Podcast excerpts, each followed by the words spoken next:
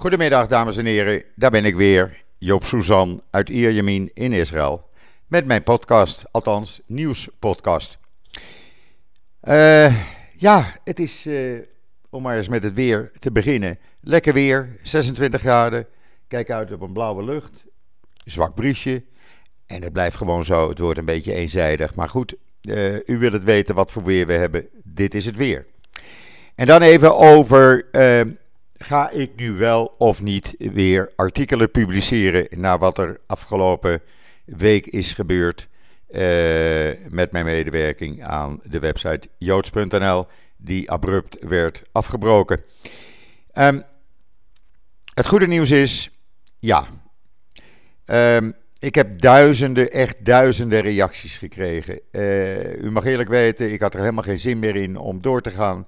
Maar die reacties die deden mij zo goed dat ik dacht van weet je wat, ik kan, uh, ik kan u niet in de steek laten. Ik, ik ga gewoon weer verder.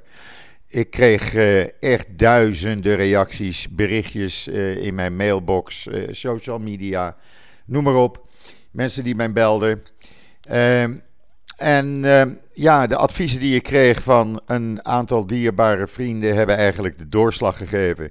Die hebben mij steun gegeven en gezegd: Joop, je moet het gewoon doen. Ik, uh, ik ben die mensen erg dankbaar. Want dat uh, was net het laatste zetje. Uh, en er is hard gewerkt. Er is hard gewerkt aan een nieuwe website die misschien nog vandaag, maar anders zeker morgen in de loop van de ochtend online komt. Onder de naam israelnieuws.nl. Uh, daar probeer ik uh, vanaf uh, het moment dat die online staat, zoveel mogelijk weer uh, nieuws zoals het gebeurt uit Israël aan u door te geven. En dan ja, het nieuws. Ja, het wordt beheerst hier door de tragedie op Mount Meron afgelopen donderdag op vrijdagnacht. Die aan 45 mensen, waaronder 10 jongeren onder de 18 jaar, het leven heeft gekost. Het zijn hartverscheurende verhalen die je ziet. Televisie, alle zenders zijn alleen maar in het teken de laatste twee dagen van dit drama. Vandaag is een nationale rouwdag in Israël. Uh, de muziek op de radiostations is, uh, ja, rouwend, laat ik het maar zo zeggen. Veel Israëlische songs die betrekking hebben op, uh, op rouw, op een trieste periode.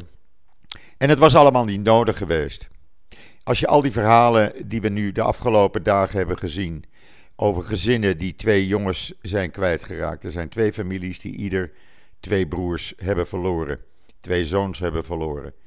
Uh, ja, dat is vreselijk. Dat is, een, dat is een tragedie waar niemand een woord voor kan vinden.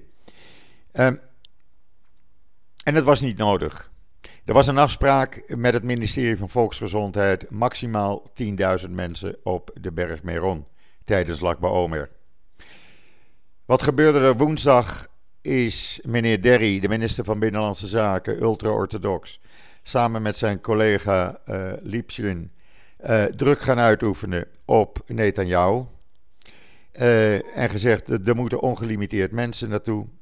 Netanyahu, u weet, die heeft nog een paar dagen om uh, een regering samen te stellen. Dan moet hij dinsdagavond mee klaar zijn. Uh, anders is zijn kans voorbij. Uh, die gaf toe, want die dacht van ja, eh, ik, kan, ik heb deze mensen nodig, dus ik geef gewoon toe.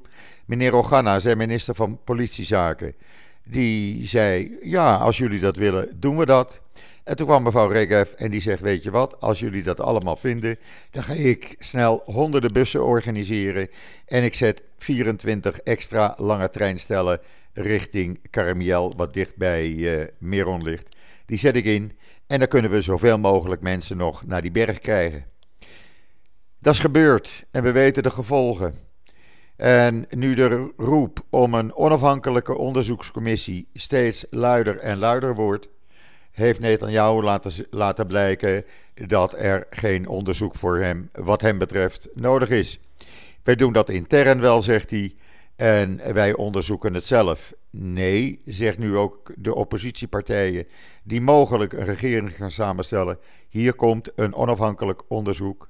En het is niet zo om deze schuld alleen maar aan de politie te geven. En dat kan ook niet. Er was de commandant van het noordelijk gedeelte van de politie. Die had gezegd: Oké, ik ben verantwoordelijk in goede en slechte tijden. Ik neem de verantwoording op mij. Dat heeft tot gevolg dat bijna alle agenten in Israël de hashtag hebben gebruikt met zijn naam. Ze staan allemaal achter hem. En gisteravond heeft de hoogste politiecommandant in het land gezegd: uh, Ik sta als één man achter deze politiecommandant van het Noorden. Als hij verantwoordelijk is, ben ik ook verantwoordelijk. Dat is mooi. En dat is een sein naar de politiek toe dat ze zich hier niet zomaar uh, uh, met een fluitje van af kunnen brengen. En dat kan ook niet. Want dit is een ramp zoals die nog nooit in vredestijd in Israël is uh, geweest. Het wordt vergeleken met de terreuraanslagen. En dat, dat kan je ook vergelijken. Uh, er zijn 45 mensen zijn gedood. 45 families, 45 gezinnen zijn in rouw. Die mensen krijg je niet meer terug.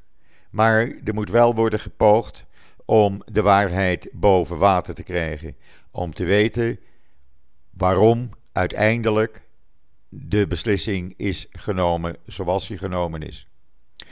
Er zijn eh, ook voormalige politiecommandanten nu die gezegd hebben: er moet een onafhankelijke commissie komen. Uh, het opperrabinaat die geeft nu ook opeens 180 graden draai. Het was altijd zo dat Bergmeron was eigenlijk een staat in een staat. Waar de ultra-orthodoxie, de ultra-orthodoxe rabbijnen, de dienst uitmaakten.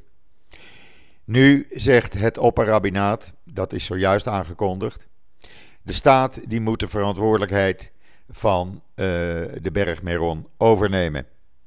Uh, wij willen daar geen verantwoording mee, meer mee hebben. Nee, maar eerst wel druk uitoefenen om zoveel mogelijk mensen toe te laten.